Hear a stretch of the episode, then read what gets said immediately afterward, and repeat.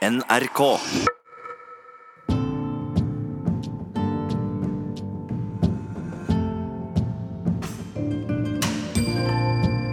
Dette er NRK P2. Tenk om vi ikke hadde hatt TV.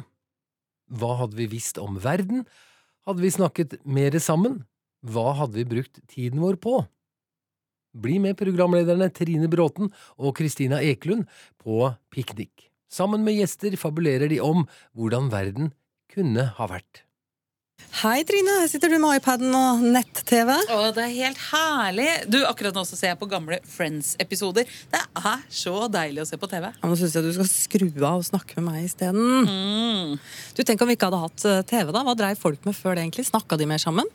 Tenk alt det vi hadde gått glipp av uten TV. Hadde vi ant hva folk dreiv med i andre land i det hele tatt? Hadde vi visst hvordan det så ut i andre deler av vårt eget land? Ja, Hadde vi skjønt hva de sa? De som snakka helt andre dialekter enn det vi gjør? Men én ting som hadde vært deilig. Hvis mannen din ikke hadde ligget på sofaen hver helg for å se på sport. Det hadde vært ganske greit, ja. Dette må vi snakke mer om. Skal jeg bare ringe til noen som kan noe om dette her, og så leiter jeg litt i arkivet til NRK samtidig? Gjør det. Jeg ringer pappa, jeg. Han husker helt sikkert hvordan det var å ikke ha TV. Hallo. Hei, det er meg. Hei. Hei. Du, vi sitter her, jeg og Trine, og så snakker vi om det der med hvis ikke vi hadde fått TV i det hele tatt. Hvordan hadde ting vært da? Og så husker jo ikke jeg et liv uten TV, men det gjør jo du. Hva er det dere gjorde før dere fikk TV? Ja, vi hørte på radio, kanskje. Sveivegrammofon var noe som hadde. Men eh, jeg husker jo radio. Det første som jeg husker, det var kjedelige greier. Lange, seriøse foredrag og andakter og klassisk musikk. Og da var det sånn hysj-hysj, nå hører vi på radio. Ja. Ja. Og så var det barnetime hver lørdag. Klokka seks med onkel Lauritz. Det var liksom det vi så fram til. Men hvordan var det å få TV, da? Ja, det var jo fantastisk. Ettertid så tenker jeg at hele verden ble jo forandra da vi fikk den TV-en. Og vi husker i prøvesendingene begynte, så sto jo folk utenfor butikkvinduene og der de solgte TV-er og glodde i store grupper. Og jeg husker jo hjemme hos oss vi, Foreldrene mine var litt skeptiske, men eh, så hadde naboen kjøpt, og da var broren min alltid der, aldri hjemme, så da skjønte de at nå må vi kjøpe TV, vi òg. For å se han. Ja. Men hvor er det du så første gang, da? Ja, det var sikkert et butikkvindu. Og så, Jeg husker jo første gangen jeg fikk eh, TV i stua, den er sagt, i 1963. Da bodde jeg på hybel sammen med en kompis, og han kjøpte TV på avbetaling. Du, Det var jo så mange som var skeptiske, husker du det?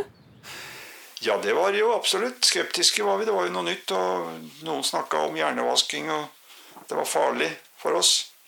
Så farge-TV kom, så var jo enda den debatten på nytt. Seriøse politik politikere ville jo forby farge-TV. Hvis du da hadde sagt at liksom, ja, nå, om så og så mange år så kommer det til å være haug av kanaler og TV døgnet rundt, og sånn, hva tror du folk hadde sagt? Hadde du sagt det i 1960, at snart så kan vi se direkte ting som skjer samtidig på andre sida av jordkloden, til og med farger, på 100 kanaler, så hadde jo ingen trodd du var, trodd du var spenna gæren. Ok, vi snakkes da, pappa. Ja. Ha det. Tenk om.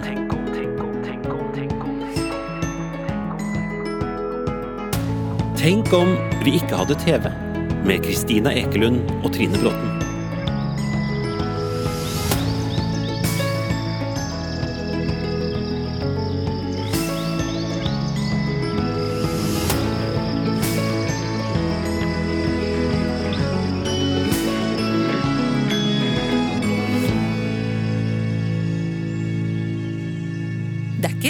Sikkert de hadde vedtatt at vi skulle ha TV i Norge, hvis de bare hadde visst hvor mange TV-er vi skulle få, og hvor mye vi kom til å se på dem. Nei, De trodde sikkert ikke det i 1937, det året det var mulig å se prøvebilder på fjernsyn i Norge for første gang.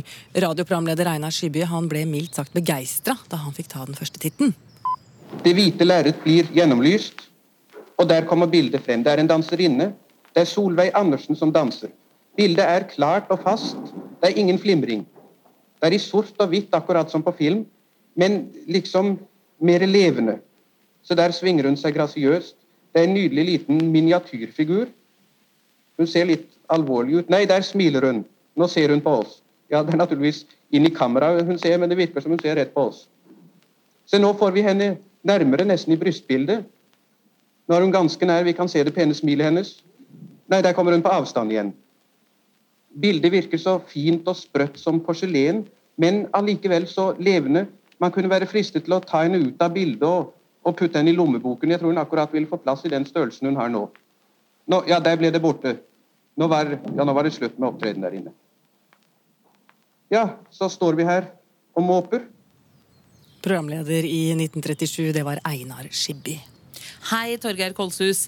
Du er jo sosialantropolog ved Høgskolen i Oslo og Akershus og Universitetet i Oslo. Og vi hørte Shibi her. Han var rimelig sjokkert.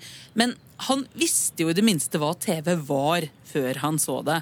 Tenk om man hadde satt en TV foran folk som aldri hadde hørt om den engang. Hvordan hadde de reagert da? Vi har faktisk nesten gjort det. På min øy, som vi sier i antropologien, i Stillehavet, så var jeg så eh, heldig å være til stede første gang en, en film ble vist. Det var en som hadde kommet tilbake fra en annen øy og hadde tjent nok penger til å kjøpe seg både en TV og et aggregat. Så den, han satte i gang dieselaggregatet og fikk på TV-en med en DVD i. Og det var The Patriot med Mel Gibson fra den amerikanske eh, revolusjonen. Og det er sjelden på den øya at noe er helt stille, men da var det helt stille. 300 mennesker pakket sammen i et eh, langhus eh, som prøvde å skape en sammenheng i en film på et språk som de ikke forstår. Det som slo meg da, det var nettopp det at man bruker det kjente til å forstå det ukjente. Ikke sant? At det var relasjonene. Det var snakk om hvem er disse menneskene i forhold til hverandre. Er dette far? Er det, er det en sønn? Er det en mor? Så Det eneste man hørte, var slektskapstermer som flakset litt sånn stille. Den hvisket den andre for å forstå sammenhengen. Men ellers så var det rett og slett et viktig skille. Dette er 15 år siden. Fordi synssansen er noe vi hos oss eh, legger veldig stor vekt på. Altså Mange måter vi snakker om kunnskap på, er knyttet til syn eller bruker metaforer fra det å se. Og synssansen, da velger vi ut selv hva vi ønsker å ta inn over oss. Altså Vi gjør utsnittet aktivt. Vi tar inn eller lukker verden ute ved å stenge øynene. Mens hørselen, der blir man invadert. Og hva som fins i verden, blir veldig forskjellig hvis man privilegerer synssansen versus hørselen. Og på øya mi og i mange steder i Stillehavet så er det hørselen som er det som bestemmer hva som finnes. Man har aldri sett en heks, men man vet at det finnes fordi man hører om natta. Den endringen i hva som skal være den privilegerte sansen, hva som er privilegert grunnlag for kunnskap, det er en kjempestor endring. Så uten TV så hadde vi vært helt annerledes, da? Vi hadde vært annerledes. Altså, det, var, det, er jo en sånn, det, det er en myte visstnok at KrF stemte en blokk mot innføring av fargefjernsyn. For det var faktisk Venstre og Senterpartiet som gjorde det. Det var noen KrF-representanter de stemte mot. fordi at liksom, som, som Førde sa, at synden er kommet til verden, men vi vil ikke ha den i farger. Og det kan faktisk, hvis vi skal virkelig trekke spekulasjonen langt, da, så kan det faktisk hende at det, altså innføringen av fargefjernsyn, som er enda mer realistisk enn svart-hvitt, at det er med på nettopp å svekke vår, vår tiltro til det som blir sagt, og det som blir hørt, og til fordel for det som blir sett. Og det er vanskelig å se Gud. Svekkelsen av Norge som et trosfellesskap kan i veldig spekulativ forstand kanskje nettopp knyttes til det innføringen av fargefjernsynet. Ja, Nå har de jo fargefjernsyn i mange land som er veldig religiøse. Akkurat, så Det er den kjipe etnografiske vetoet som, som, som, jeg gjerne skulle trekke fram, men som, som, en måte å leke seg med tanke på. Så kanskje. ja, kanskje. Men altså, du sier da, hvis jeg skjønner det riktig, at uh, synet har liksom blitt skjerpa og blitt viktigere. Men er det andre sanser som blir uh, ødelagt eller påvirka eller styrka av TV? Ja, det er for det, det som finnes i verden. ikke sant? Vi, Afrika, Nordmenn har en veldig eh, underlig forståelse av Afrika som et lidelsens kontinent. Og det er fordi at de bildene vi får derfra, er stort sett alltid knyttet til lidelse. En eller annen katastrofe, en krig, en massakre, ugjerninger og uhyrligheter på, på løpende bånd. Og det er det. Og det bestemmer hva vi tenker om Afrika. Det gjør verden annerledes for oss, fordi vi tror at det vi ser, er alt som finnes. Vi hadde kanskje oppfatta Afrika helt annerledes da, uten TV. Men du, tilbake til 1937. Da var det altså en stor radioutstilling, og fjernsynet var hovedattraksjonen. Mottakeren er en stor, brun kasse omtrent så stor som et av de moderne radiogrammofonskapene. Og selve bildet, eller det hvite lerret om man vil, er en firkant på åtte ganger ti tommer, dvs. Si oppimot en kvart avisside. Av knotter å svinge på er det en alminnelig volumkontroll for tonen og en parallell billedkontroll. Ja, Hva koster nå et slikt apparat som dette her? I Tyskland koster et slikt omkring 2500 kroner. Hva mener du de som fagmann stort sett om fjernsynet? Er det kommet langt? Fjernsynet det har hatt sitt avgjørende tekniske gjennombrudd med det system som vises her. Det problem som nå gjenstår, er det økonomiske. Saken er nemlig den at sendingen må skje på ultrakortbølger. Men disse bølgene de har den kjedelige egenskap at deres rekkevidde ikke er større enn synsvidden. Dvs. Si at man bare kan regne med en sterkt begrenset lokalsone. I en by som London er det ingen sak. Der kan man med en enkelt stasjon dekke et område hvor det bor 15 millioner mennesker. Den første norske fjernsynssender må nødvendigvis komme til å ligge på en av høydene ved Oslo. Derfra kan man i beste fall regne med å dekke et areal med en halv million mennesker. Og når tror de at man kan vente den første fjernsynssenderen her i landet? Hvis jeg sier innen fem år, så tror jeg man er på den sikre siden.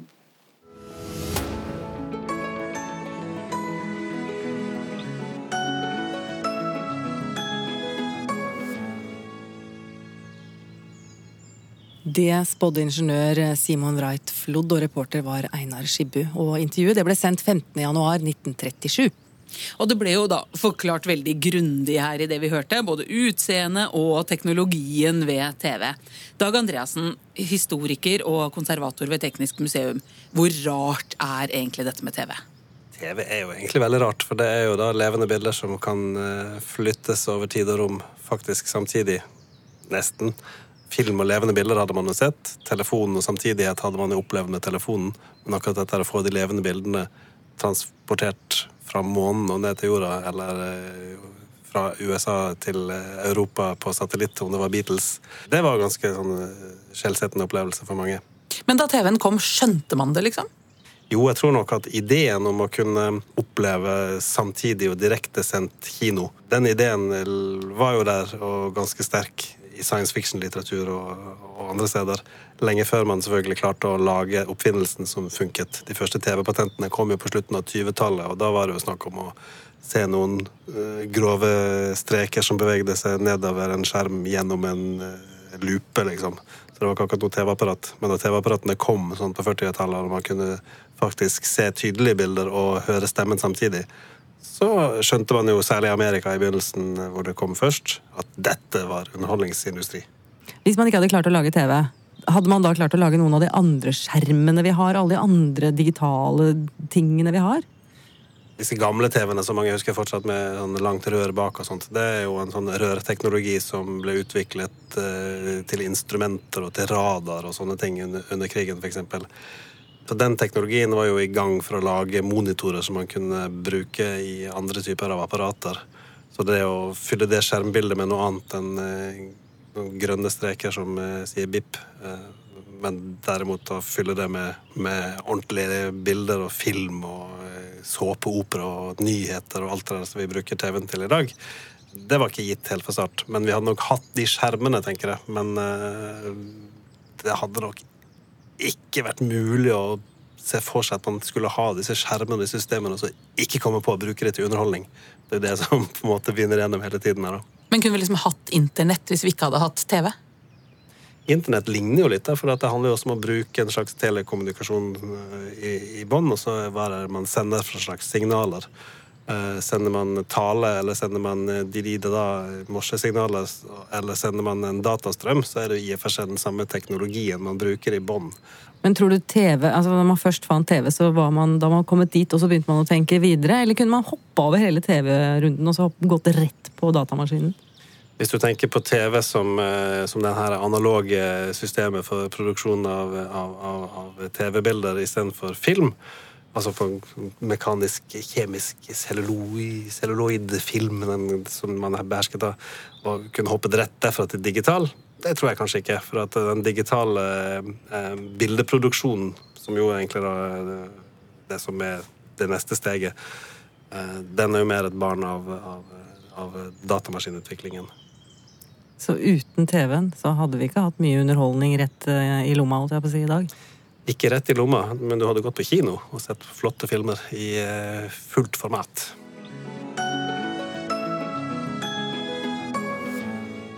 Hadde vi visst hvordan ting så ut hvis vi ikke hadde sett det på TV? Skal vi ikke høre med de tre på naboteppet der? Jo, det gjør vi. Hvem er dere? Eh, Jon Bråte. Hei, jeg heter Maja Hannistad. Jeg heter Martin Holvik. Hva tror dere, altså Tenk om vi ikke hadde hatt TV. Hadde vi da hatt peiling på hvordan ting så ut? Oi. Det vet ikke om vi hadde vært helt på, helt på jordet.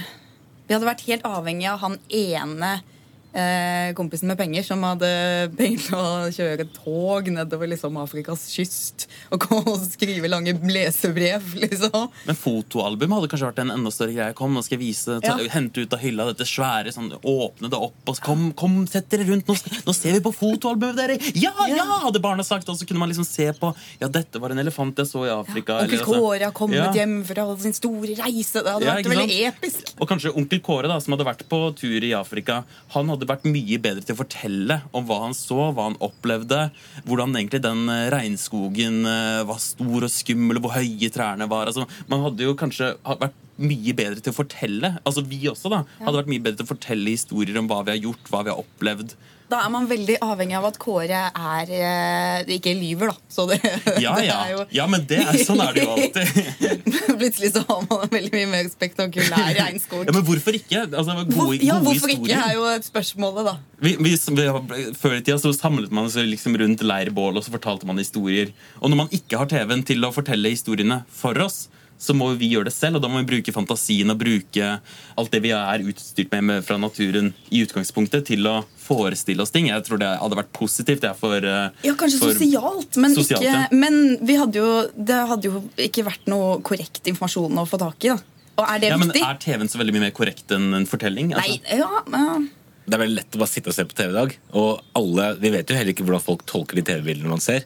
Og det er lett å bli forført og lurt også av TV-bilder. Så gitt at onkel Kåre har en historie han vil fortelle, og den er riktig, så trenger ikke alle detaljene være helt riktige. da. Men eh, hvis han er en kjent på en eller annen følelse. Men eh, det problemet har vi uansett, med TV eller ikke, da, tenker jeg.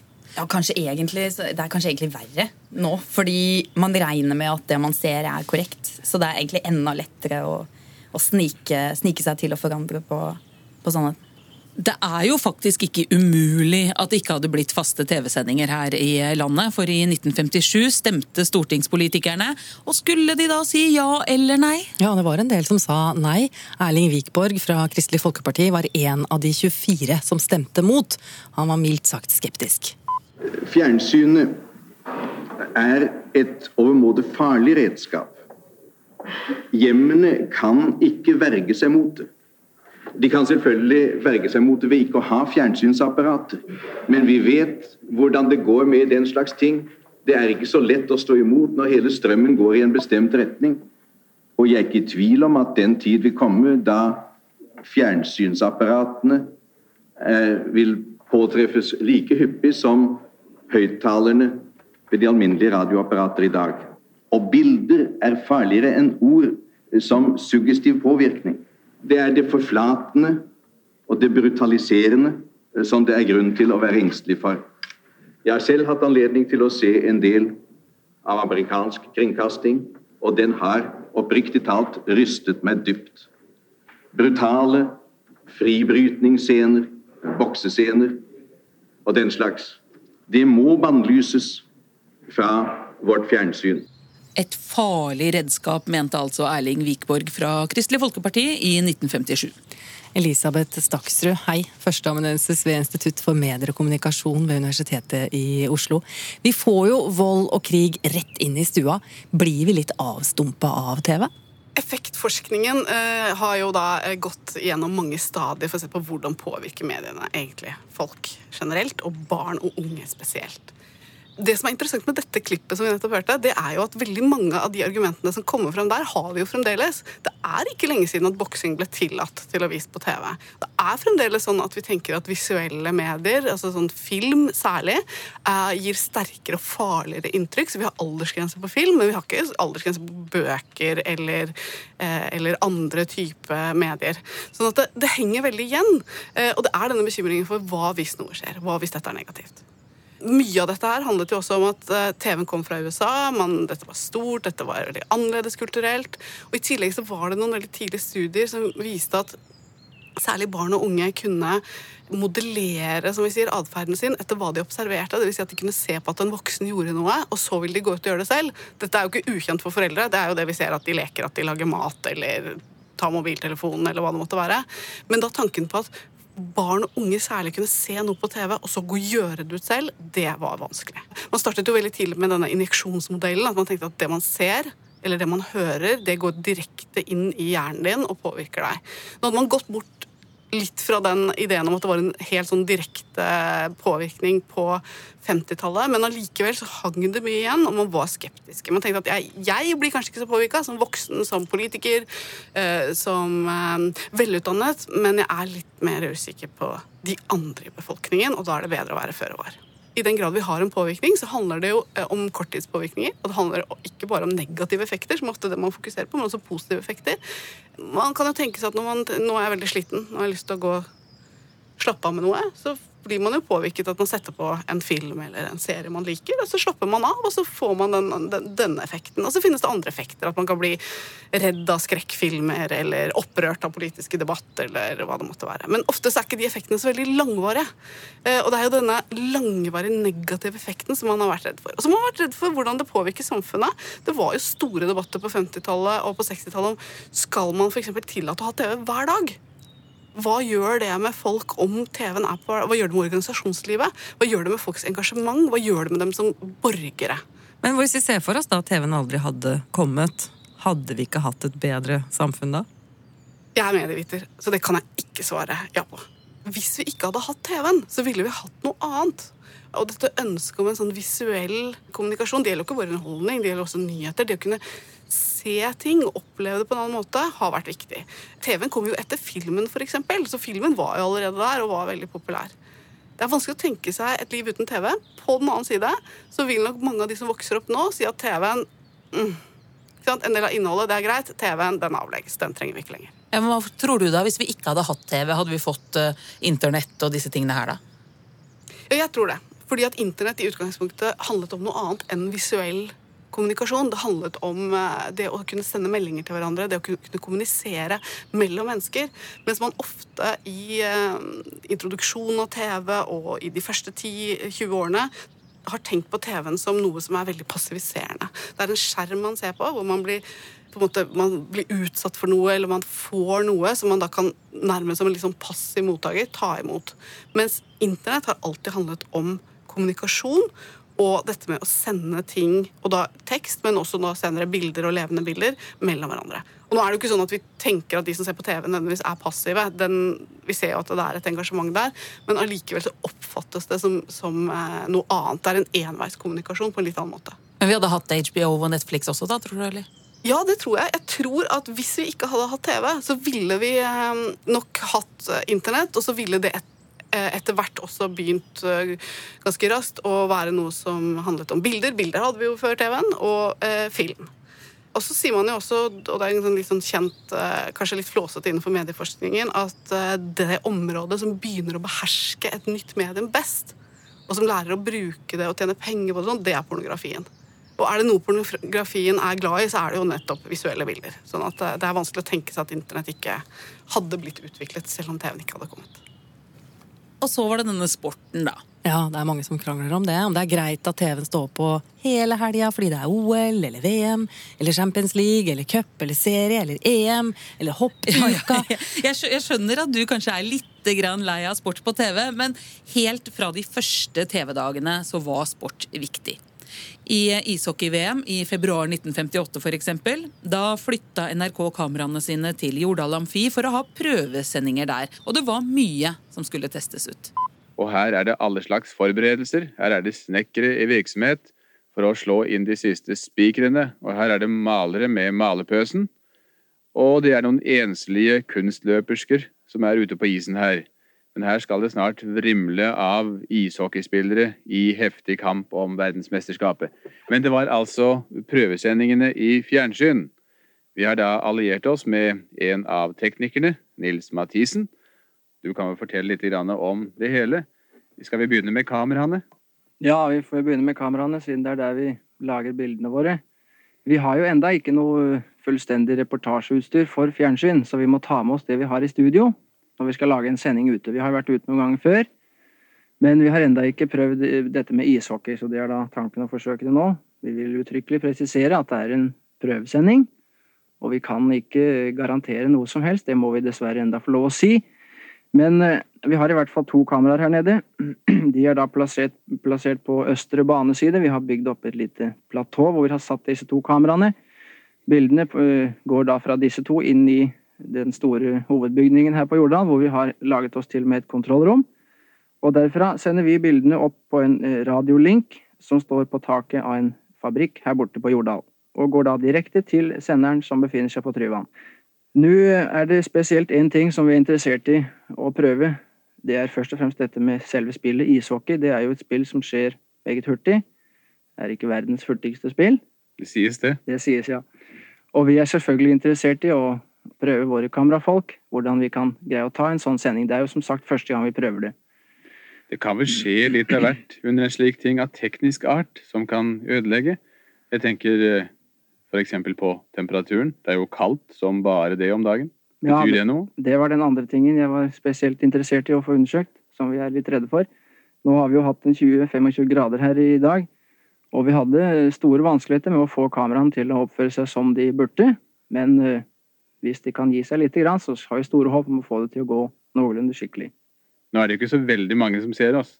Nei da, det er heller svært få enda. Jeg tror ikke vi har mer enn ca. 150 lisensierte foreløpig. I tillegg kommer det naturligvis de mottakerne som står hos forhandlernes vinduer, og pressen setter jo også opp en del mottakere. Og så har vi da også en kommentator som står oppe ved kameraene og, og gir de opplysninger som seerne har, må, må, få for å kunne ha den glede, fulle glede av bildet. Vi får vel da presisere at for hans vedkommende så er det også debut i aller høyeste grad. Så man bør kanskje ikke stille altfor store forventninger til resultatet. Og det gjelder vel også det rent tekniske, Mathisen? Ja, i aller høyeste grad. Det sa tekniker Nils Mathisen til reporter Oddvar Foss fra ishockey-VM på Jordal Amfi i 1958. Og jeg vet at Canada vant, så nå kan jeg jo sporttrinnet. Ja, det var veldig imponerende. Arne Skeie, tidligere kommentator i NRK Sporten. Kom og sett deg her, og så må jeg bare spørre deg, hva hadde sport vært uten TV? Det hadde i hvert fall ikke vært eh, de pengene som vi har i dag. Det er klart at eh, Radioen ville jo stått mye sterkere, og radiorettighetene eh, ville jo skutt i været, men eh, ikke på, eh, på, nivå med det man ser når det gjelder TV og idrett. Det har jo gått ut av alle dimensjoner. Ja, for Hvordan var det med radio og sport? Altså det var For meg som da vokste opp før TV, så var det veldig stort. Radioen hadde en eh, veldig, veldig stor plass i Norge på 50-tallet. Jeg husker jo det når det var store mesterskap. Alle gutta, alle jentene i klassen skulle jo hjem og, og følge med idrett. Og så var det jo så var det jo underholdning rundt omkring med Leif Rustad. Det var Det spørs med Rolf Kirkevåg, det var radioreportasjene. Rolf eh, Kirkevåg hadde jo en posisjon på 50-tallet som knapt noen sportskommentator, kommentator senere hatt. Han var så populær og god på 50-tallet, Rolf Kirkevåg. Og avisdekningen tror jeg hadde vært helt annerledes hvis det ikke hadde vært eh, TV. Man ser jo i dag at eh, det er ikke de referatene vi eldre var opptatt av på 50-60-tallet, da vi hadde også sportsavisen Sportsmannen. Da var det jo referatene. I dag er det jo faktaene, og jeg skjønner jo veldig det, det fordi at uh, alle mediefolk, alle avisfolk, mener jo og tror da at, uh, at uh, kampene har de opplevd, de skal bare ha faktaene etterpå. Så, så OL og fotballkamper og sånn hadde liksom li, fylt like mye i kanskje særlig menns hverdag, selv om vi ikke hadde hatt TV? Hvis du ser på publikumsoppslutning på de store begivenhetene før TV, så er det jo ingen tvil, tvil, om det. Nå har jo fjernsyn også gjort sitt at interessen er kommet, men jeg tror nok et uh, fotball-VM uten fjernsyn hadde hatt uh, like stor uh, tilskueroppslutning som den har i dag, men pengene ville jo ikke vært der. TV-pengene som har kommet til idretten, som vi har sagt mange ganger, de er jo eventyrlige. Altså, hvordan hadde idrettsutøverne det før alle disse store pengene var inne i bildet? Da Da hadde de jo sitt yrke og, og og stilte opp da i helgene i, i, sin gren, i sin idrett. Jeg har akkurat uh, lest uh, Eh, den boka 'Femmila' av eh, Tore Gottaas, når man ser og, får med seg hvordan langrennsløpere hadde det på 50- og 60-tallet, så er det jo nesten helt uvirkelig. De gikk jo gjerne til nærmeste de norske til nærmeste jernbanestasjon dro til Oslo, konkurrerte på en 15 km, 17 km, 18 km på, eh, på en torsdag, dro tilbake, kom til Oslo igjen på fredag kveld, for da å gå femmila på lørdag. Men på en måte kunne man sagt kanskje at, ikke for å gå tilbake dit, da, men altså det at eh, TV-en kom, har gjort at det har blitt for mye penger for sportsutøvere? Ja, det vil jo mange si når man ser eh, lønninger, når man ser i dag eh, World Wild, som det heter, at det er fotballspillere som tjener tre kvart milliard i året, ned til eh, ja, 50 millioner for, det, for fotballspillere. I det segmentet ligger jo lønna til alle verdens beste fotballspillere. Har det ødelagt litt? Har TV-en da ødelagt litt for sporten? Hvis du spør eh, publikum, så tror jeg ikke det. Interessen for eh, fotballen har jo ikke blitt eh, mindre. Hvor mye har egentlig sportsgrenene forandra seg med TV-en? Ja, det er ganske mye, for du ser, ser man på en del av de populære idrettene Skiskyting er vel kanskje det beste eksempelet. Det har jo forandret seg veldig etter at TV kom på banen. Jeg husker jo hvordan det var hjemme i, på 70-tallet. Noe helt annet enn i dag. Eh, hoppsporten, som ligger meg veldig nært, det har jo forandret seg mye fra at det var 115 som hoppet to omganger, til i dag hvor det er 50 som hopper første omgang, 30 andre omgang. Skyldes jo veldig, veldig mye TV at det skal eh, falle i smak for andre og ikke ta hele ettermiddagen. Hvis vi snur på det, da, hva hadde TV vært uten sport? Ja, Det er jo et godt spørsmål. På 50-tallet, da, da, prøvesendingene kom, så var det jo bare prøvesendinger for, for sport. Husker selv at jeg sto utenfor elektriske forretninger på Lillestrøm og i Skedsmokorset på 50-tallet og så, så, fotballkamper, så VM på skøyter på Bislett i 59 hvor jeg ikke hadde fått uh, billett kan ikke erindre at noen var opptatt av prøvesendinger i noe annet enn, eh, enn, i, enn av idretten på 50-tallet. Ja, det var prøvesendingene. Tenk om det hadde stoppa der. Hva hadde vi gått glipp av da? Martin, Maja, og Jon, det her er en oppgave for dere. Hadde det gjort at vi hadde hatt mindre til felles? Altså Når, når man kommer og møtes en vennegjeng, så er det sånn ja, 'Har du sett den siste episoden av Skam?' 'Ja, shit, Nora gjorde det og det.'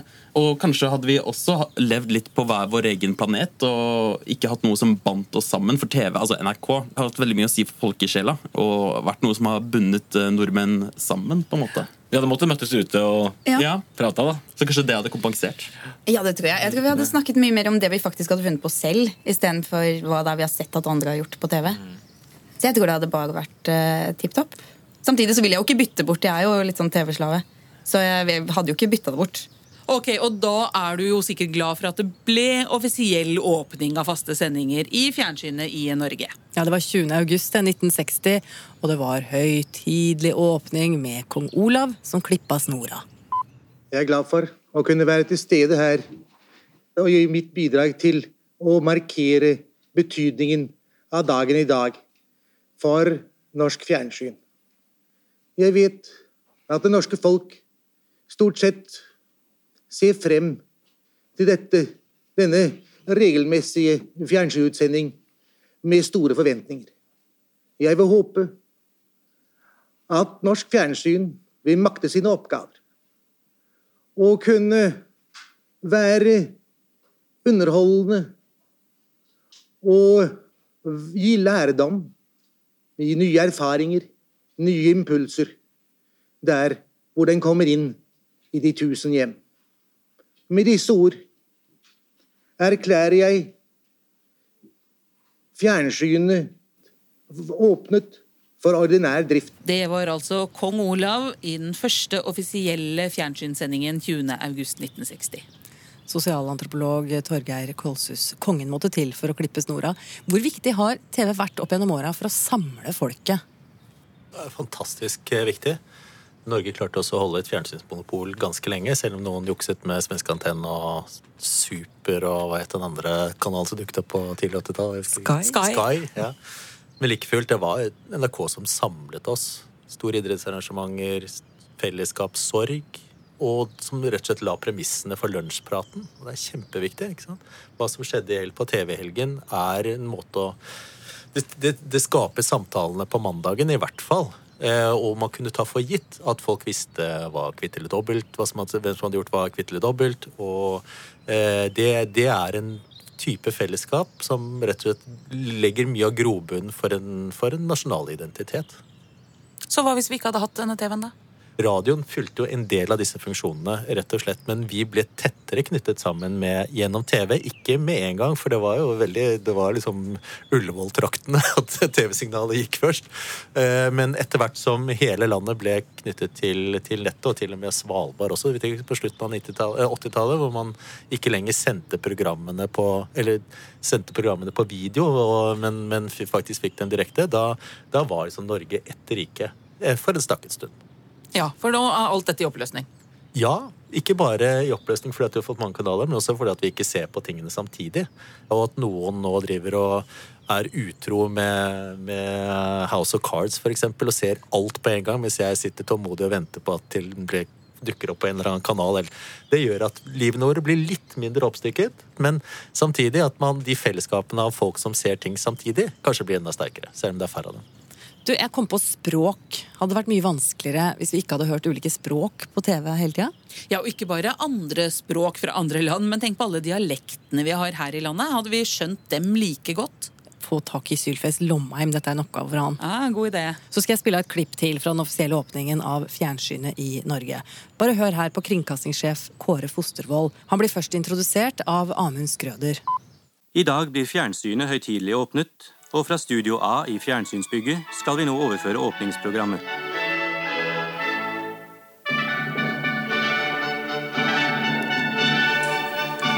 Vel møtt ved fjernsyn- og lydradiomottakerne utover landet. Det er tilsett rundt omkring 120 teknikere og programfolk til å dekke ei fast sendetid på si, åtte timer i veka i første omgang slik som forutsetningene har vært. En kan vel si at det er gjort et grundig, og iallfall et langt førarbeid. Sylfest Lomheim, tidligere leder av Språkrådet og professor emeritus i norsk og oversettelse ved Universitetet i Agder. Vi hørte jo her at Fostervoll snakka nynorsk i åpninga. Tenk om vi ikke hadde hatt TV. Hadde det vært vanskelig å forstå hverandre på kryss og tvers av landet da? Det hadde det. Det hadde iallfall vært mye vanskeligere. Fordi eh, det at vi hører variert, altså skiftende talemål, dag ut og dag inn, det gjør at vi er innstilt på det. Hjernen vår er programmert til å forholde seg til variasjoner. Og hvis ikke vi har disse variasjonene innpå oss, så blir vi rett og slett dårligere. Men dialektene har jo blitt mer utvanna. Om vi ikke hadde hatt TV, hadde vi holdt mer på dialektene da? Ja, det hadde vi også gjort, fordi eh, fjernsyn og radio er jo et talemål som alle tar inn. Det påvirker oss. Vi ser jo utviklinga rundt området som ligger rundt Oslo, oppover Hallingdal og utover Østlandet. Der er talemålet blitt mye likere Oslo-regionen, og det er jo blant annet, ikke bare det, men blant annet daglig kontakt med Oslo-mål i radio og fjernsyn og også ellers ved at folk reiser mye. Selvsagt ikke bare radio og fjernsyn, men radio og fjernsyn spiller en rolle i samfunnet når det gjelder å det vi språkfolk kaller nivellere språket, altså gjøre språket mer likt. Men så fikk man jo også høre andre språk på TV, og allerede i det første fjernsynsprogrammet i 1960 så hilste den finske fjernsynssjefen til Norge. Og han gleda seg til et samarbeid. Da uh, Norsk Rikskringkasting i dag offisielt inviger den norska televisionen är det en glädjedag även för Finlands rundradio. Vi har redan tidigare sett goda norska programinslag i Nordvisionen och hoppas att det internordiska samarbetet på televisionens område ska utvidgas genom rikligare gemensamma program. Ja, det sa den finske fjernsynssjefen. Sylfest Lomheim, om vi ikke hadde hatt TV, hadde vi skjønt andre skandinaviske språk dårligere da? Hm. ja, da kunne jeg ikke ha gjort dette. Minnon koltani kaunison, vaikon kaitaluinen. Minnon koltani kaunison, vaikon kaitaluinen. Taralalalala. Har du lært Det- dette her på TV? Eh, nei. Men eh, jeg hadde vel ikke vært så mye i Finland uten at vi også eh, har hatt nordisk språklig samarbeid, så dette lærte jeg en gang borte i Finland, ja. Ja. Nei, men eh, det er vanskelig å, å overvurdere fjernsynets rolle når det gjelder nordisk språkforståing. Egentlig så er det trist at ikke det har vært enda, enda mer, for da hadde den nordiske språkforståinga vært enda bedre. Men eh, har vi følt mindre samhørighet, eller hadde vi følt da mindre samhørighet med de andre landa hvis ikke vi hadde hatt TV? Å ja. Ja, det er ikke tvil om. Vi hadde heller ikke hatt eh, den sterke svenske påvirkningen. Det er ikke sikkert vi hadde hatt så mange ord på is med kjendis og kondis og dagis og alt dette på norsk hvis ikke vi hadde hatt svenskefjernsynet i en avgjørende periode på 60-70-tallet og utover. Hva slags forhold hadde vi hatt til engelsk da, hvis vi ikke hadde hatt TV? Eh, Da hadde vi også hatt et mye fjernere eh, forhold til engelsk. I det hele tatt moderne massemedium, talt og både tale og bilde, de har gjort veldig mye for språkutviklinga. Og jeg, jeg sitter ikke her og sier at det er dårlig, men det er helt sikkert at hvis vi ikke hadde hatt disse eh, massemedia der, så hadde språksituasjonen, også globalt, vært helt annerledes. Men er det forskjell på rollen mellom radio og TV? For hvis vi ikke hadde hatt TV, så hadde vi jo kanskje hatt radio likevel. Ja da, og radioen hadde påvirka, men eh, talt språk kombinert med bilde har enda mer påvirkningskraft eh, språklig sett. For da syns vi at vi kanskje er nærere de som står i ruta. Men er det litt sånn at du uh, syns det er litt synd at vi fikk TV, sånn at disse dialektene blir, blir, har blitt utvanna? Nei da, jeg snakker jo ikke dialekt. Nå. Men det kan jeg gjøre hvor tid som helst. Jeg kan slå over og snakke om alle jentene hjemme i Sogn som står og venter der på meg i de fine bunadene sine under fjellet og ser oppover på bakkene, og der går det så masse sau at det er ikke til å tru. Og det var sognamål. Jeg er veldig glad vi har TV, for der forsto jeg hva du sa. ja.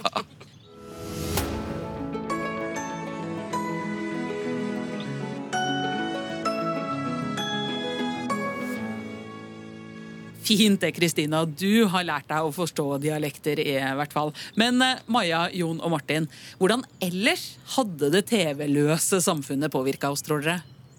Jeg tror vi hadde hatt veldig mye tid. Jeg tror vi hadde hatt et helt annet forhold til tid. Mens nå så er det sånn, ok, nå hadde jeg plutselig en halvtime å slå i hjel.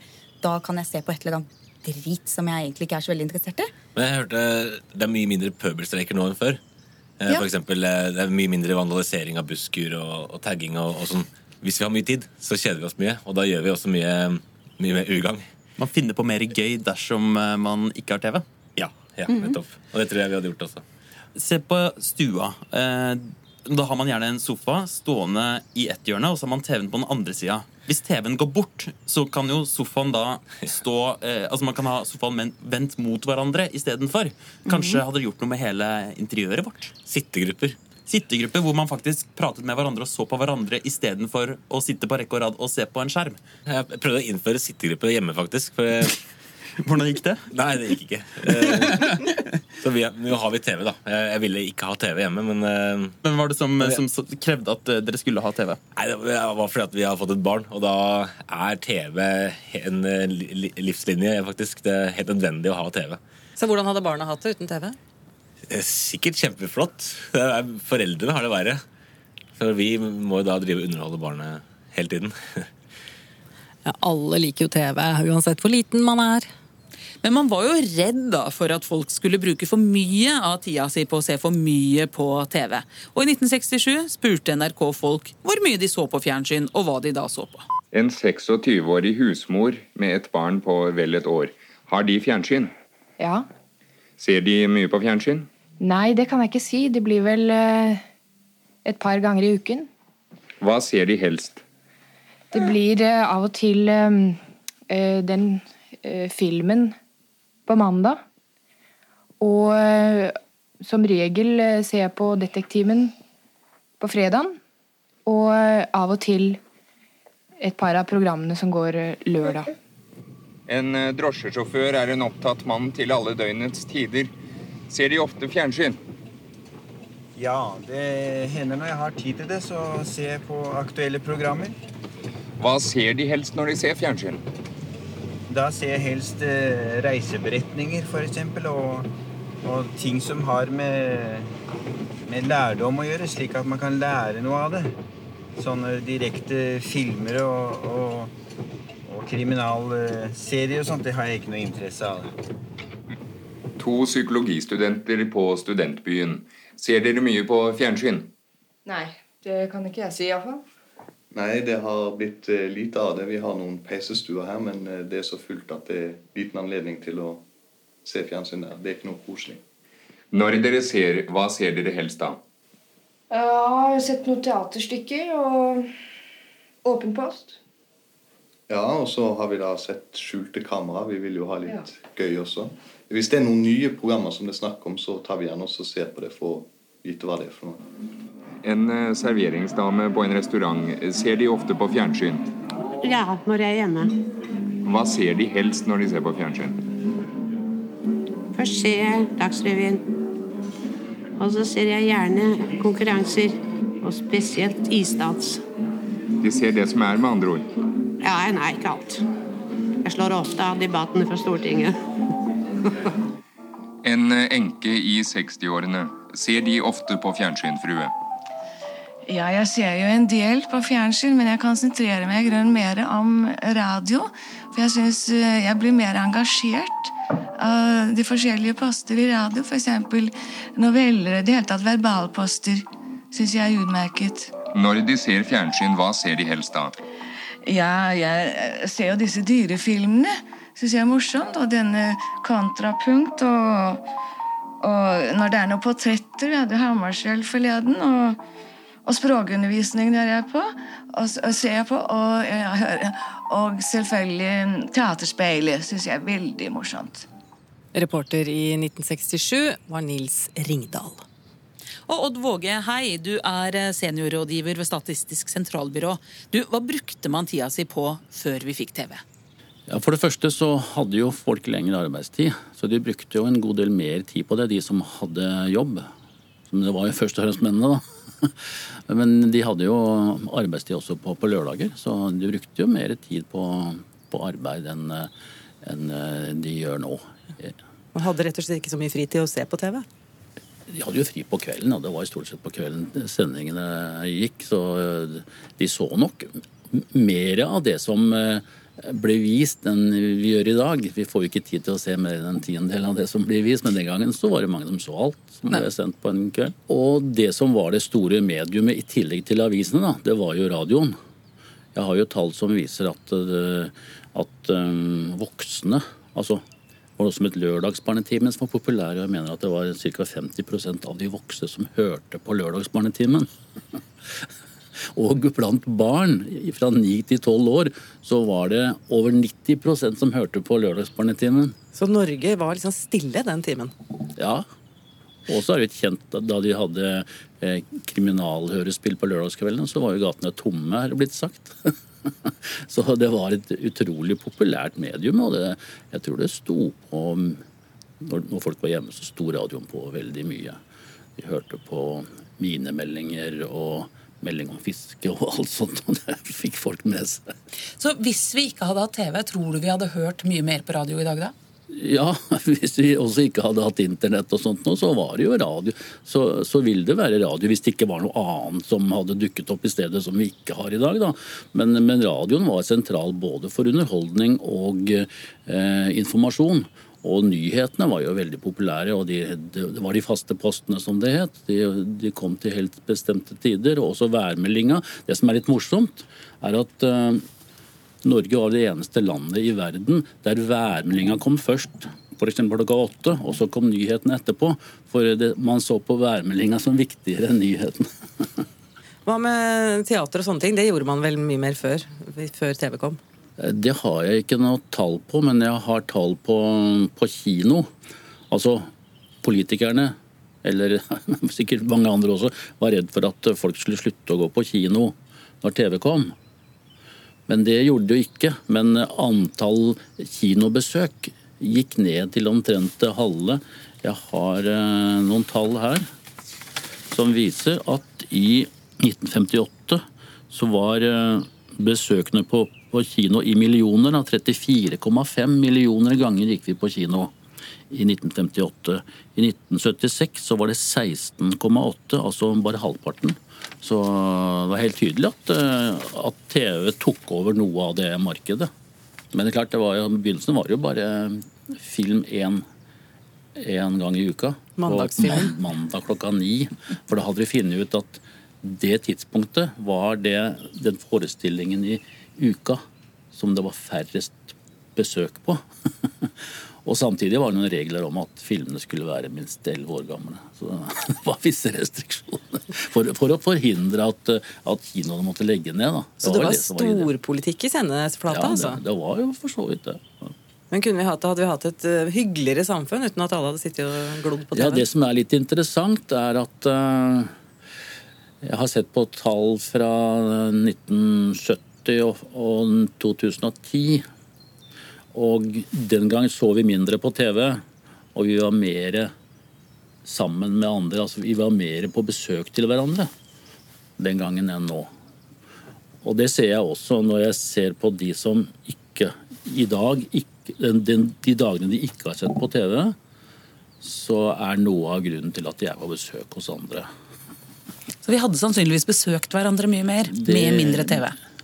Det tror jeg nok. I begynnelsen var det jo sånn at folk gikk på besøk til de som hadde TV, for å se på TV. Men akkurat det tror jeg er slutt.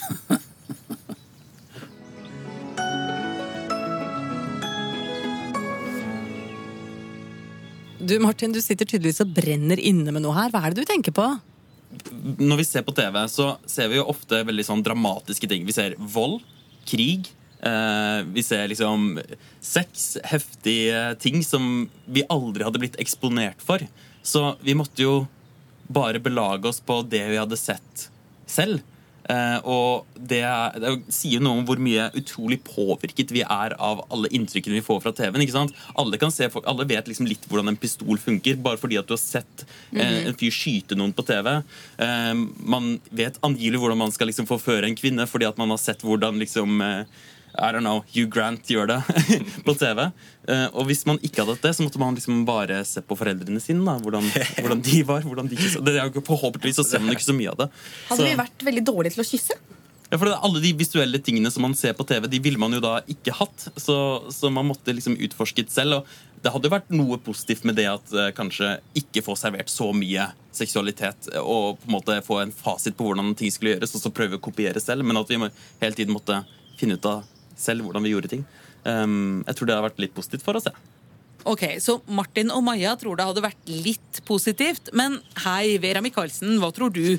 Altså, Du har jo jobba mye med barn og ungdom, både på TV og som forfatter og spaltist.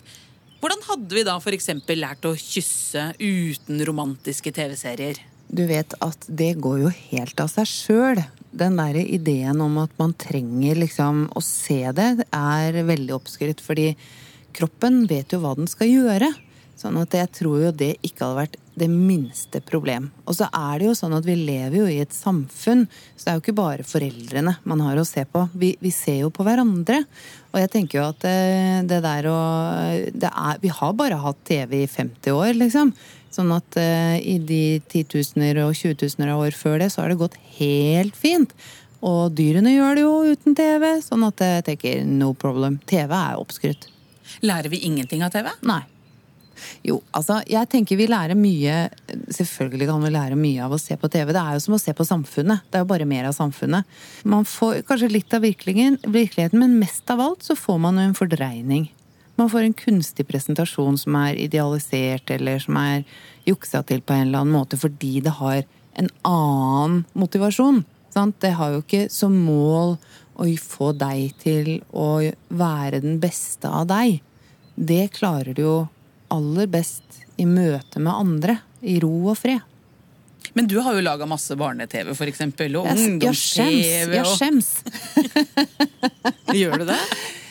Nei, men jeg husker jeg tenkte på det da. Altså, jeg slutta jo å lage TV fordi jeg mente at man ikke skulle se på TV. Fordi jeg hadde den, Jeg hadde den motstanden i meg hele tida mens vi holdt på. At eh, jeg syns jo at det var en uting.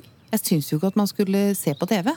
Sånn at eh, til slutt så måtte jeg jo ta konsekvensen av det. Og så, det var et helt faktisk bevisst valg. Og så jobba jeg bare med radio etter det. Men ville vi visst eksempel, hvordan det var i Nord-Norge hvis man ikke hadde sett det på TV? Hvis man ikke hadde vært der sjøl, da?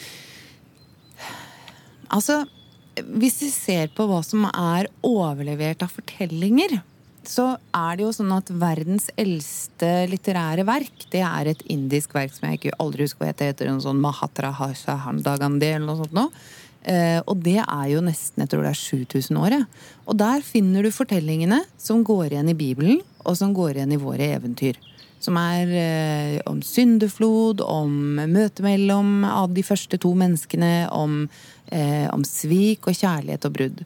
Og jeg tenker jo at eh, det å fortelle om Nord-Norge, eller det å fortelle om ting som er andre steder, det har vi drevet med til alle tider. Sånn at, og våre hjerner er jo laga sånn at hvis du snakker om prikker, og du snakker om rosa, og du snakker om sjiraff, så, så har du ikke noe problem med å forestille deg en til rosa sjiraff. Du må jo selvfølgelig ha sett både prikker, rosa og sjiraff først. Men, men eh, sånn at eh, ideen Det er jo bare å se på gamle kart. De er så gøye. Hvor det er sånn du ser noen har prøvd å fortelle hvordan det ser ut, og så er det blitt sånn omtrentlig. Så det ville jo vært litt omtrentlig. Så det å lære å sjekke opp Hugh Grant er kanskje ikke det beste måten å lære å sjekke opp på? Nei, det vil jeg si det medfører til store eh, ulykkelige situasjoner i ditt eget liv.